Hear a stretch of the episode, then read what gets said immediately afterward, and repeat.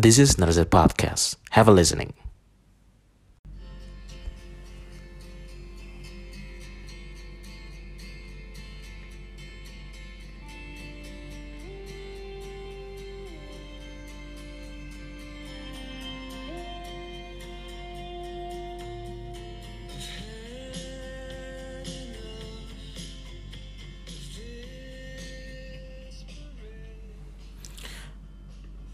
Yeah, this is Narazir Podcast. Um, my first podcast in the year of 2022, 2022 uh, or 2022 ya.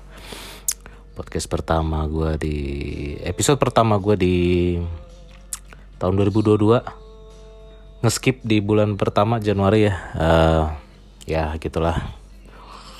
Ya gue kan bukan ini ya bukan podcaster profesional jadi ya suka-suka gue aja.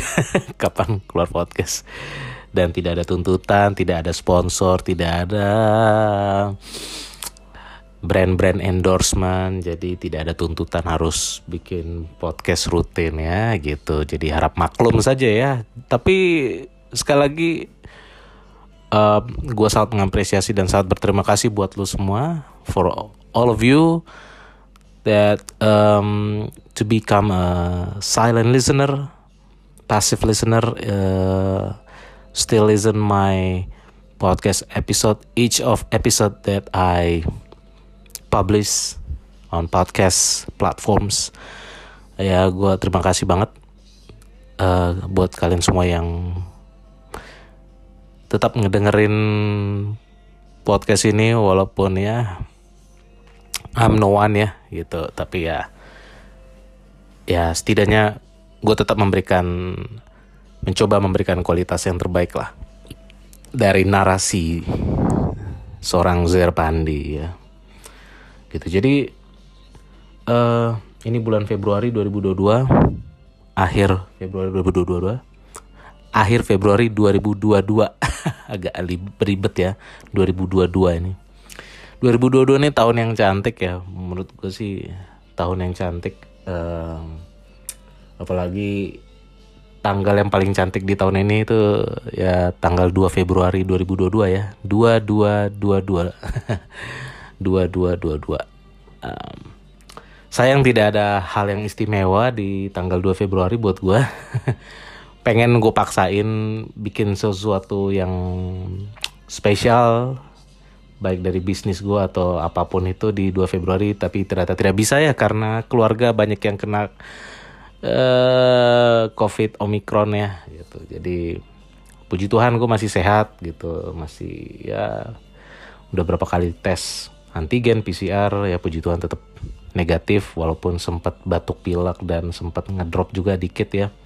Mungkin karena kebanyakan pikiran juga atau banyak sempat kepapar juga gue rasa sih. Tapi kayaknya ya praise God uh, Tuhan memberikan antibody dan badan gue ini cukup baik dan kuat sehingga bisa melawan virus-virus yang masuk ya uh, dan tetap jaga kondisi, tetap minum vitamin, tetap makan teratur, uh, cuci hidung juga. Itu juga penting sih menurut gue sih. Karena cuci hidung itu bagus untuk mengangkat bakteri-bakteri yang ada di dalam lubang hidung kita. Dengan pakai apa? Dengan pakai air hangat dicampur garam non iodium garam kroso. Jadi buat kalian yang nggak perlu beli-beli yang alat-alat medis mahal air hangat campur garam non iodium garam batu gitu juga udah bagus kok. Efektif buat ngeluarin bakteri ingus apa pun yang ada di lubang hidung lo. Sehingga kapasitas lubang hidung kita untuk menampung bakteri atau virus atau apa pun itu tidak overload gitu sih. Itu itu kata salah satu pakar virologi yang gue ikutin lah gitu ya. Oke okay, um, gue mau masuk ke topik dari episode ini. Uh, sebenarnya nggak terlalu gue persiapkan skripnya atau konsepnya ya tapi setidaknya uh, konsepnya apa uh, gambaran besarnya gue udah siapin sebenarnya udah beberapa waktu yang lalu cuman baru keinget lagi sekarang. Jadi gue mau bicara soal uh, orang dalam. Istilah orang Indonesia orang dalam jalur orang dalam. Atau kalau bahasa Inggrisnya inner circle atau bahasa yang lebih profesional lagi uh, second degree third degree gitu ya. Ini kaitannya dengan pekerjaan uh, kaitannya dengan usaha bisnis ataupun kaitannya dalam hal ya lebih banyak kan terkait dengan hal ini sih uh, pekerjaan dan usaha ya gitu. Jadi beberapa tahun terakhir gue melihat fakta dan realita yang gue alami sendiri bahwa kalau untuk di dunia startup sekalipun ya dunia startup uh, perusahaan-perusahaan teknologi, uh, venture capital, angel investor, jaringan bisnis, bla bla bla bla bla bla bla bla bla, networking segala macam. Uh, ternyata dunia profesional yang gue kenal ternyata tidak murni benar-benar profesional dan berbasis meritokrasi ya. pada ujungnya eh, orang-orang yang mengaku profesional ini tetap uh, tetap mengandalkan jurus inner circle atau jurus orang dalam itu sebagai andalan gitu. Dalam arti ya kalau kata teman gue yang juga rekan bisnis gue juga bilang dari sekian banyak unicorn, dekakorn yang ada di Indonesia maupun Asia Tenggara, berapa banyak sih yang mulai dari nol ya? Dan yang kita temukan cuma satu yaitu foundernya Tokopedia William Tanuwijaya. Sisanya sisanya itu kalau istilah di media sosial yang hype sekarang adalah privilege ya sisanya tuh mereka punya privilege yang sangat bagus dan tinggi berkelas lah gitu kita bicara founder Gojek Nadiem Makarim dia itu bukan bukan no one. He is not no one. He is someone. Uh, someone itu apa? He is the son of the most popular and the greatest lawyer in Indonesia. Law firmnya itu diakui oleh seorang Hotman Paris sebagai law firm bapaknya, law firm bapaknya itu diakui oleh Hotman Paris sebagai salah satu law firm dan lawyer terbaik nomor satu bahkan mungkin nomor dua di Indonesia gitu yaitu kantor hukum Makarim. Dan Makarim itu kantor hukum Makarim lawyernya uh, mungkin direkturnya atau apanya lah itu chairman dari Makarim itu ya bapaknya Nadi Makarim gitu terus kita bicara lagi Traveloka founder Traveloka uh, namanya siapa sih? Gue lupa. Kayaknya William William juga ya. Itu juga katanya bukan bukan sembarang orang gitu. Terus kalau kalau Grab gue nggak tahu siapa ya. OVO OVO juga uh, OVO itu PT Visionet. Visionet itu kayaknya masih jaringannya orang-orang Lipo gitu dan ya mereka udah startnya bukan from zero like William Tanuwijaya Tokopedia gitu. Ini kita bicara soal startup dulu ya pelan-pelan ya. Uh, dan kayak William Tanuwijaya pun juga memulai bisnis Tokopedia-nya itu dengan dana dari investasi dari mantan bosnya gitu. Dan itu pun ya dia berangkat dari inner circle dia juga gitu loh. Orang yang mau mempercayai dia gitu. Jadi uh, apa ya namanya ya jadi kalau lu bukan siapa-siapa kalau lu nggak bapak lu bukan bukan orang hebat, ibu lu bukan orang hebat, lu bukan kuliah di kuliah Amerika atau universitas terkenal di Eropa, Amerika atau di Jepang, Singapura atau apa. Ketika lu pitching sesuatu bisnis atau ketika lu menawarkan sesuatu ide bisnis atau konsep bisnis atau produk ke investor-investor besar atau investor-investor yang established itu ya uh, mereka nggak akan mau. Nggak akan mau invest lu dan mungkin kurang percaya sama lu gitu. Bukan karena lu tidak berkualitas bukan karena lu tidak bisa dipercaya bukan karena lu tidak kompeten tetapi ya ya itu karena mereka belum kenal lu secara pribadi dan mungkin buat mereka lu nggak menguntungkan juga. Seperti gue gue kayaknya nggak menguntungkan buat orang itu. Ini siapa sih? Siapa sih si Zerpandi atau biasa orang kenal gue juga namanya Zoro gitu. Siapa sih si Zoro ini gitu. Gitu. Jadi uh, ya itu uh, kalau orang-orang di luar sana bilangnya privilege ya. Tapi kalau buat gue gue pakai konteksnya sebagai inner circle atau second degree atau third degree. Second degree apa sih? Second degree itu kayak uh, second degree itu kayak gue punya teman kampus. Nah teman kampus gue ini punya temen nah temennya teman gue inilah yang ngasih gue kerjaan atau peluang usaha atau mempercayakan gue mengerjakan sesuatu gitu. Terdigri nah terdigri itu temannya temannya teman gitu. Atau saudaranya temannya teman gitu. Jadi agak do, berlapis ya. Lebih berlapis lagi gitu. Itu second degree or third degree gitu. Itu second degree third degree pertama kali gue kenal istilah itu di platform media sosial namanya Friendster ya. Dan yang masih pakai istilah itu setahu gue cuman LinkedIn ya LinkedIn. Nah contoh misalkan gini uh, jadi lu harus identifikasi siapa inner circle lu yang bisa lu andalkan gitu ya. Kalau kayak gue inner circle yang terbaik yang gue miliki saat ini uh, ada satu keluarga konglomerat. Itu pun gue belum bisa berhasil deal pekerjaan proyek atau bisnis dengan mereka ya. Itu pun tidak menjamin bahkan gitu ya. Itu pun gue satu keluarga konglomerat ini gue kenal karena gue kenal satu lingkungan gereja gitu. Satu lingkungan gereja. Kalau gue nggak satu lingkungan gereja dengan mereka ya gue nggak akan pernah kenal mereka dan gue nggak akan pernah dipercaya oleh keluarga mereka keluarga ini gitu.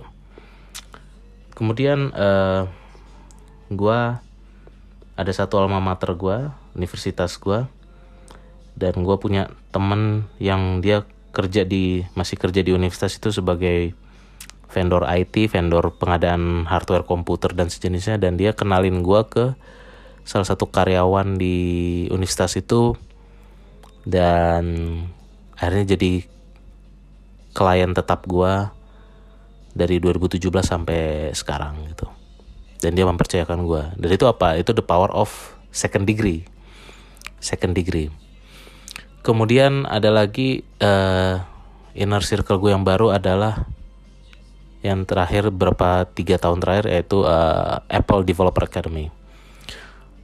Dan itu susah so gampang juga itu masuk ke Apple Developer Academy waktu itu gue uh, itu pun gue ngejual nama Binus supaya bisa gue masuk. Karena gue bilang gue bilang gue saya lagi kuliah S2 di bisnis dan memang benar walaupun gue nggak selesai ini kuliah S2 gue karena ini Apple Developer Academy yang pertama kali di Indonesia itu ada di BSD dan itu di bawah uh, berkolaborasi dengan institut institusi pendidikan uh, Universitas Bina Nusantara atau BINUS gitu. Jadi ya mereka jadi mungkin itu karena gue ngejual nama BINUS karena gue bilang gue kuliah di S2 di BINUS mungkin itu membuat mereka pertimbangan mereka untuk memasukkan gue juga gitu ya.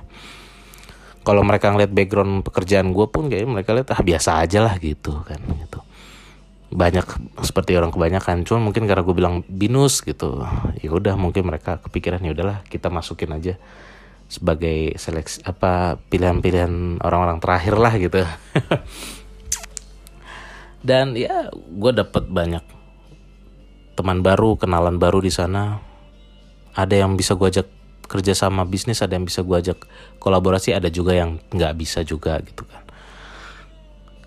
Uh, dan itu tuh itu pun nggak tetap tidak memberikan efek yang besar buat gue saat ini ya so far gitu. Memberikan efek besar di 2019 2020 ya tapi di dua tahun terakhir kayaknya enggak deh gitu. Inner circle the power of inner circle. Second degree third degree. Second degree lu tarik akhirnya menjadi first degree lu yang third degree coba lu tarik menjadi second degree lu gitu kan dan seterusnya. Uh, dan misalkan kita bicara ada lagi pebisnis namanya gue lupa namanya siapa tapi nam uh, startupnya atau bisnisnya namanya kopi kenangan gitu. Kopi kenangan ini apa ya uh, dia tuh salah satu startup Indonesia yang banyak disuntik dana oleh investor-investor dari Amerika. Bahkan katanya tuh pemain-pemain besar semua lah, salah satunya Sequoia, venture capital terbesar di dunia, Sequoia gitu. Banyak yang ngantri nginvest dia.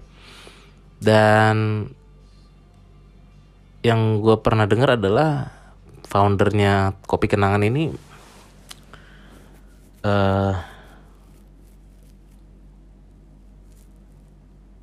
lulusan universitas di Amerika lah gitu. Jadi gue yakin banget networking dia di Amerika udah bagus gitu. Jadi nggak heran gitu. Jadi orang nggak perlu heran kok bisa banyak yang tertarik karena mungkin dia temannya banyak orang Amerika, kenalnya orang Amerika gitu kan. Dan ini salah satu yang termasuk yang klasik, kisah klasik tahun 80-an, I guess 70-an 80-an. Awal mula Bill Gates uh, awal mula Bill Gates merintis Microsoft itu juga karena berkat berkat ibunya yang punya akses ke IBM untuk supaya projectnya dia itu bisa berhasil masuk ke IBM gitu yang mana IBM waktu itu udah besar banget. Itu adalah salah satu the power of inner circle the power of second degree yang dimanfaatkan oleh Bill Gates melalui ibunya sehingga dia bisa besar sekarang, bisa bersaing dengan Apple dan seterusnya. Ketika itu. Jadi ya itu juga the power of inner circle gitu kan. Uh, kalau bicara soal Elon Musk juga orang barang bilang dia privilege karena bapaknya uh, yang punya tambang apa tambang berlian ya berlian atau apa tuh di Afrika Selatan emerald apa apa gak, gak tau lah gue jenis berliannya apa um, tapi itu uh, itu lebih ke privilege ya bukan ke inner circle. Tapi ya ya hampir sama lah gitu. Mungkin inner circle dia adalah waktu dia merintis PayPal kali ya, ya. dari PayPal lah dia bisa um, melompat membuat Tesla menjadi lebih tinggi, jadi bagus dan lebih tinggi gitu. Kenapa gue kenapa gue bicara soal ini? Karena gue juga lagi merintis startup baru dan lagi struggling karena gue punya sudah punya banyak kenalan tapi ya sekedar kenalan aja gitu. Jadi mereka belum tentu percaya kerjasama kolaborasi dengan gue gitu. Dan gue sangat merasakan di situ bahwa uh, kayak misalkan kopi kenangan. Apa sih yang spesial dari kopi kenangan? Nggak ada yang spesial gitu jujur kalau mau bicara ya. Yang spesial dari kopi kenangan apa sih yang beda? Cuman cuman nama-namanya doang sih. Keunikan namanya kayak nama-nama galau dipakai gitu kan. Kopi mantan. Terus uh, apalah uh, kopi rindu gitu gitulah ya kan. Uh, senandung galau apalah gitu gitulah nama-namanya. Tapi minumannya biasa aja minumannya biasa aja nggak ada bedanya sama sama yang yang duplikat duplikatnya lah yang kemudian ada janji jiwa lah ada lain hati lah ada apalah gitu kan. Tapi yang bikin dia bikin dia bisa berhasil selain ya selain ketekunan dari foundernya dan co-foundernya gitu ya tapi juga karena dia dapat uh, jalan mulus lah relatif mulus lah dari kenalan-kenalan dan orang-orang hebat yang ada yang dia kenal gitu. Jadi orang bilang yang lagi terkenal sekarang orang yang sukses itu karena privilege. Karena dia bukan nggak mulai dari nol, ada yang mulai dari 10, ada yang mulai dari 100, ada yang mulai dari 1000 gitu. Makanya mereka bisa melaju tinggi gitu kan. tapi yang gue mau bilang adalah ketika kita berin uh, berusaha entrepreneurship segala macam satu fakta dan realita yang orang nggak boleh sembunyikan lagi dan orang nggak bisa bol uh, dan kita nggak perlu malu untuk mengakui dan memakai memanfaatkan itu adalah ya kita ini semua sukses atau gagalnya kita bergantung pada inner circle yang ada di kita gitu. Apakah inner circle kita kuat, berkuasa, influence influence atau enggak gitu kan? Uh, leverage-nya tinggi atau enggak? Kalau enggak ya jadi UMKM kecil aja selama gitu. Kayak misalkan startup yang lagi gue rintis di bidang e-sports, siapa yang percaya berinvest di gue sejauh ini? Ya keluarga-keluarga saudara gue juga gitu pada akhirnya gitu. Yang lain waktu itu gue pernah tawarin ke mantan tempat mantan tempat kerja gue apa sih istilahnya? Perusahaan tempat gue dulu bekerja lah gitu. Di tahun 2015 2016 ada salah satu PT yang satu grup dengan kantor gue waktu itu. Awal-awal mereka kayaknya tertarik dan mau invest tapi pas mau proses due diligence ya hilang kabar aja gitu kan. Muntaber aja gitu mundur tanpa berita gitu. Kenapa ya? Ya itu ya karena mereka cuman kenal gue doang tapi belum percaya sama gue gitu loh. Dan masih ya ya itu karena ya who are you gitu. Kalau gue bukan orang kalau misalkan gue anaknya direktur Astra gitu anaknya direktur Indofood atau anaknya direktur atau gue keponakannya di uh, pemilik misalkan grup-grup besar kayak Sinarmas atau apa ya mereka nggak pakai pikir panjang langsung invest ke gue gitu kan. Contoh contoh kasus yang biar kalian bisa paham gitu ya. Uh, jadi oke okay, back again. Jadi yang mau gue bilang adalah udah manfaatkan sebaik-baiknya inner circle second degree inner circle dan second degree lu gitu. Lu mulai coba jabarin lagi. Siapa sih second degree lu? Siapa sih yang bisa diandalkan? Siapa sih yang bakal percaya sama kemampuan lu? Siapa sih yang bakal percaya dengan kinerja lu? Ide lu percaya dengan ide lu percaya dengan inovasi lu gitu.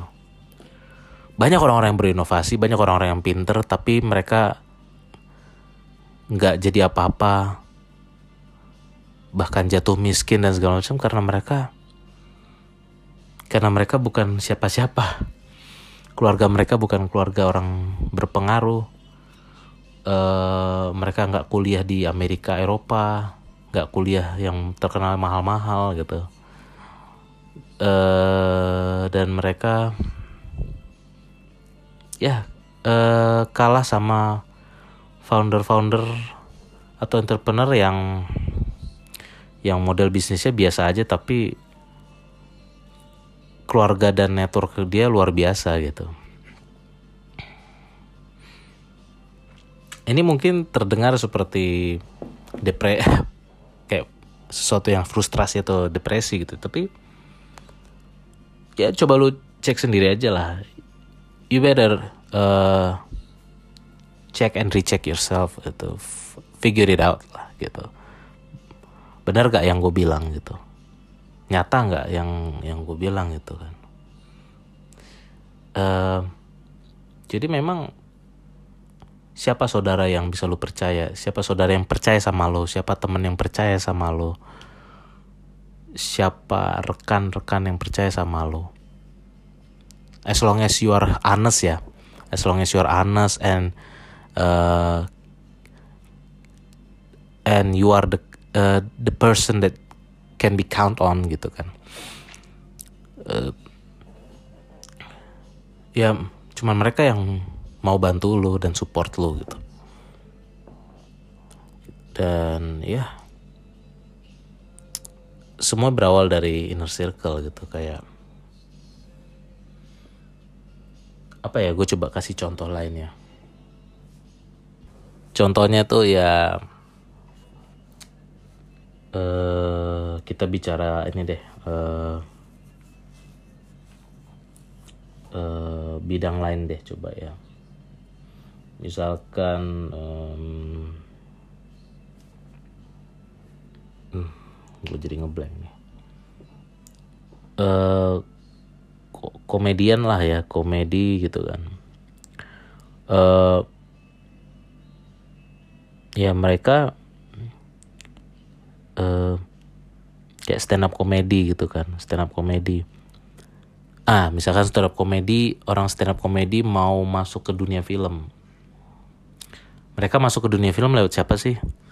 Kalau lewat per, apa lewat uh, apa sih istilah production house ya PH PH atau lewat production house yang yang yang yang manajemennya nggak ada orang komedi susah mereka nggak bakal diterima nggak masuk karena nggak akan jadi prioritas. Tapi kalau misalkan mereka masuknya lewat production house atau timnya Ernest Prakasa yang sekarang komedian yang sekarang fokus di dunia perfilman sutradara mereka lebih gampang untuk dapat peluang itu. Memang tetap dites diuji kemampuannya tapi kesempat mereka dikasih kesempatan lebih lah gitu. Tapi kalau misalkan lu kayak ke mereka tuh misalkan kayak komedian-komedian kayak misalkan uh, Panji Pragiwaksono, Ari Kriting atau Mongol. Kalau di mereka ngelamar untuk main film di tempatnya Joko Anwar atau di tempatnya misalkan Palari Films atau di tempat yang orang-orang benar-benar seniman film banget. Hmm, kemungkinan besar ditolak gitu. Tapi kalau mereka masuknya lewat production house-nya misalkan Visinema yang ada komedian juga di situ ada Adriano Colby yang orang stand up komedi juga. Walaupun Angga Sasongko itu sangat orang film tapi ya masih dikasih kesempatan lah untuk berkarir di film-filmnya Visinema atau apalagi di film-filmnya yang sutradaranya Ernest Prakasa kayak Benedion Raja Guguk yang dia stand up komedi tapi kayaknya dia kayaknya stand up komedinya karir stand up komedinya biasa aja mandek. Akhirnya dia alih profesi jadi fokus di skrip apa storytell apa ya skrip skrip lah bikin skrip atau bikin cerita. Penulisan cerita di film gitu kan dan akhirnya dia berhasil katanya di sana. Contoh kayak gitu aja gitu. Jadi siapa yang mau komedian stand up komedian mau masuk main film pasti minta cari peluangnya di Ernest atau di Visinema gitu. Karena mereka masih ada orang-orang komedian di sana gitu kan. Tapi kalau kayak di Joko Anwar kayaknya nggak masuk deh. Susah gitu kan. Contoh misalkan gitu. Um, kemudian itu di dunia komedi dan versus film gitu ya semuanya by inner circle second degree gitu. Nah. Sama halnya dengan ya kembali lagi ke startup yang ada di Indonesia. Rata-rata yang founder-founder yang berhasil dapat kesempatan lebih dan bisa berpulang lebih banyak itu rata-rata karena mereka dulu alma maternya di Amerika dan segala macam gitu kayak Zendit salah satu unicorn baru di Indonesia Zendit Payment Gateway. Itu co-foundernya itu orang hebat dan pernah ikut Y Combinator. Y Combinator itu kayak inkubasi program inkubasi startup terbesar di dunia dan di Amerika gitu. mereka lulusan jebolan Y Combinator gitu dan itu pun mereka mulai dari 2015 2015 dan akhirnya bisa jadi uh, unicorn itu di tahun kemarin kalau saya 2021 atau 2020 kayak 2021 deh. Gitu. Uh, itu Zendit payment gateway. Um, terus ada lagi uh, aplikasi waktu itu ada aplikasi arisan ya gue lupa arisan atau apa ya. Dia pun juga orang kalau nggak salah Y Combinator juga atau apa berkarir di Amerika dulu sebelum jadi pengusaha gitu. Siapa lagi ya? Um, dan orang-orang itu dapat privilege juga untuk bisa tampil di podcastnya Pak Gita Wiryawan gitu kan. Yang mana Pak Gita Wiryawan juga orang internasional juga kan level dia udah internasional karena pernah kerja di JP Morgan uh, dan kalian tahu JP Morgan tuh bank terbesar di dunia juga salah satu bank terbesar di dunia juga uh, selain Goldman Sachs gitu. Jadi lu punya knowledge tinggi lu punya kemampuan bagus lu punya bakat lu punya skill lu punya knowledge uh, lu punya inovasi lu punya bis ide bisnis yang bagus Udah tinggal eksekusinya aja tapi ketika lu eksekusi itu lu nggak dapat kesempatan emas seperti yang didapatkan oleh founder co-founder Zendit seperti yang didapatkan oleh Nadiem Makarim seperti yang didapatkan oleh foundernya Kopi Kenangan dan segala macam ya. Itu karena lu dan gua itu nggak punya inner circle yang orang hebat gitu. Uh, dan itu uh, menyedihkan ya mem memprihatinkan sih. Dan gue cukup prihatin dengan diri gue sendiri kadang-kadang gitu kan. Jadi akhirnya kadang-kadang gue kepikiran pengen balik kerja lagi kantoran karir tapi kok nggak ada yang terima gitu. Jadi ya gitulah uh, mungkin lu kalau denger gue ngomong gini kalau lu heran kenapa ya lu coba aja non dengerin episode gue yang yang dua episode sebelumnya itu apa 2021 adalah tahun yang berat dan sulit judul episodenya itu uh, kalau kalian dengerin gue di situ kalian paham kenapa uh, terdengar seperti orang pesimis dan segala macam. Ya jadi gitu sih um, dan kalau kalian pengen kasih respon komentar boleh banget ya uh, respon tinggal ini aja apa uh, kasih tanda atau link eh, lu mau respon komentarin episode ini tweet gua. Gue udah siap sediain twitter gue juga di di profile podcast gue ya. Uh, baik lo dengerin ini di Spotify ataupun di Apple Podcast kalau di platform lain yang nyediain kolom komentar dan gua nggak komen mohon maaf ya karena gua nggak kayak apa tuh overcast atau apa tuh uh, cashbox atau apalah itu uh, radio public atau apalah gitu. Sorry kalau gua nggak nggak bisa bales karena gua nggak bikin akunnya. Itu otomatis ke distribusi aja di platform-platform itu ya jadi sorry. Karena gue di Apple Podcast dan Spotify lah yang bisa gue pantau ya gitu. Um, sama di Anchor tentunya. Kalau lu komen di anchor.fm gue gue usahain pasti gue bales lah. Nah kalau mau ada yang komen di Anchor boleh juga gitu ya. Uh, ya gitu. Jadi silakan respon komentar tentang apa yang gue sampaikan di episode ini menurut kalian apa? Kalian nggak setuju atau setuju atau punya pendapat lain atau mau menambahkan sesuatu atau atau mau menyanggah sesuatu? Silakan gitu. Gue butuh gue juga butuh pendapat opini dan insight dari pendengar gue juga gitu ya. Uh, soal inner circle second degree the power of privilege the power of inner circle the power of orang dalam ya. Jalur da jalur orang dalam gitu kayak misalkan uh, lu kalau bapak lu ibu lu dokter ya lu kalau mau kuliah kedokteran pasti jauh lebih mulus jalannya dibanding enggak gitu. Karena di samping lu lahir dari gen seorang dokter gitu lu juga sudah dapat sudah dapat networking yang bagus dari teman-teman bokap lu teman-teman nyokap lu. Misalkan uh, your father works at the hospital A and then uh, your mother at hospital B. You uh, you learn and study at a medical school and you graduate and then you want to apply uh, at hospital A or B then uh, you will get uh, I think you will get easier and more convenience way to get through the either it's hospital A or B, A or B because your parents are already are already work there gitu kan.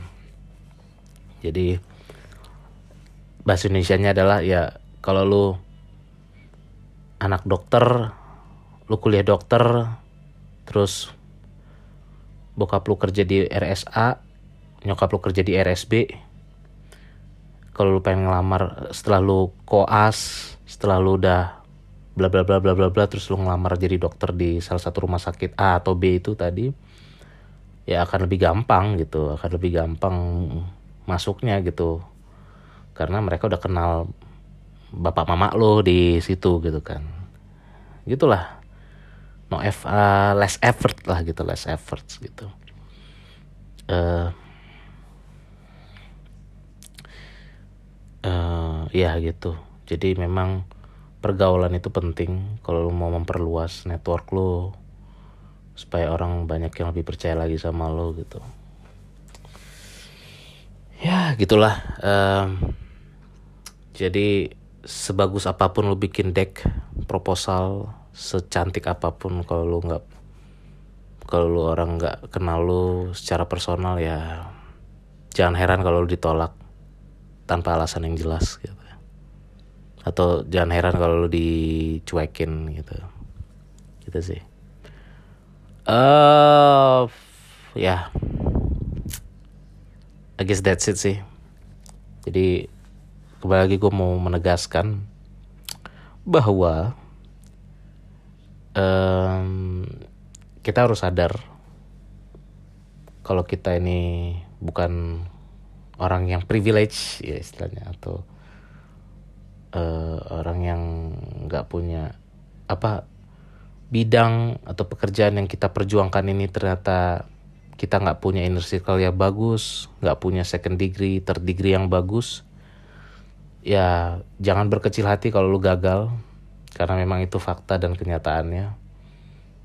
Yang harus lu perbaikin, mungkin bisa lu perbaikin kemampuan lu meningkatkan kemampuan tapi yang lebih harus lu perbaikin atau lebih harus dievaluasi itu bukan soal kemampuan kompetensi lu tetapi soal gimana cara lu uh, eh, SKSD atau sok kenal sok dekat dengan orang-orang yang yang berpengaruh di bidang itu dan lu bisa dapat kepercayaan dari mereka.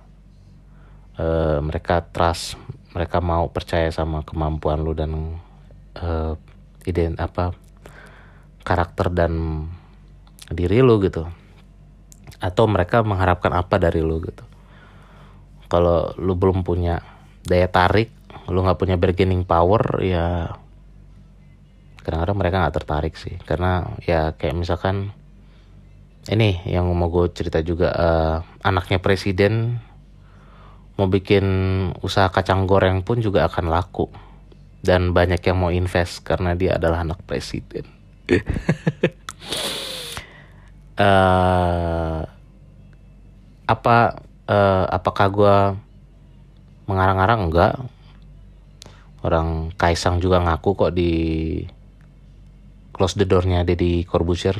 Plus, kalau lo pengen tahu sepak terjang dia bersama investor dengan sangat mulus ya lu coba search aja di search engine uh, search engine Google atau DuckDuckGo atau Yandex atau apa pun itulah.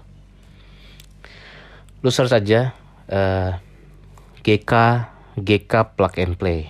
Atau kalau uh, pronounce pronounce in English GK plug and play. GK plug and play atau GK plug and play itu salah satu inkubator startup. Dan lu lihat di situ ada siapa. Dan uh, eh, GK Plug and Play ini banyak eh, bidang-bidang teknologi dan segala macam tapi tiba-tiba ada yang nyelip pisang goreng atau kuliner uh, kok bisa gitu kan? Nggak uh, ada teknologi teknologinya juga kok gitu biasa aja tapi ya bisa gitu. Ya because of ya kalian simpulkan sendiri gitu. Ya lu cari aja lah. Lu cari di search engine browsing di internet GK plug and play. Cari lihat aja siapa aja yang ada di dalam orang-orang itu itu jadi kalau venture capital sering memberikan menjual mimpi bagi orang-orang biasa untuk mendirikan startup dan berhasil dan cemerlang ya kadang-kadang gue harus gue harus gue harus ngomong jujur bahwa kadang-kadang venture cap bukan kadang-kadang sering kali venture capital dan investor itu uh, bullshit about that gitu. Uh, semua orang bisa ber ya semua orang bisa tapi semua orang gagal kalau mereka kalau ada yang pernah nanya kenapa? Apa formulanya untuk mau bisa berhasil disetujuin sama tuh katanya. Jodoh-jodohan katanya gitu. Jodoh kayak jodoh-jodohan gitu. Jadi ternyata jawaban aslinya alasannya bukan karena jodoh-jodohan. Mungkin mereka lihat lu siapa? gitu. Bapak lu emak lu orang kaya nggak? Orang konglomerat nggak? Berpengaruh nggak di di negara ini? gitu. Kalau nggak ya udah lu jadi priorit uh, lu nggak akan jadi prioritas. Lu akan kita masukin ke list nomor sekian belas atau sekian puluh. Jadi begitu banyak yang ngantri gitu. Mereka alasan venture capital sendiri yang aku bilang uh, kita itu kayak jodoh-jodohan gitu. Um, nggak ada formula yang baku untuk menjadi kriteria lo bisa diterima atau enggak pitching bisnis lo gitu. Tapi ya ada chemistry-nya kata gitu kan. Nah, itu sebenarnya kayaknya sih banyakkan bullshitnya sih gitu. Bukan soal chemistry itu soal mereka lihat latar belakang lo background lo uh, lo anak dari keluarga apa? Kalau lo anak dari keluarga uh, pengusaha mie ayam atau warung bakso atau lu anak cuman anak supir bus supir truk terus lu mau pitching bisnis uh, bisnis uh, misalkan aplikasi telemedicine gitu kan ya nggak akan deh. Nggak akan diterima. Walaupun lu punya kemampuan yang knowledge yang bagus dan kemampuan yang bagus di bidang medical misalkan itu karena your your father your parents is just a food vendor gitu food vendor or just uh, just a, just and quote and quote just just a driver gitu. Gitu sih.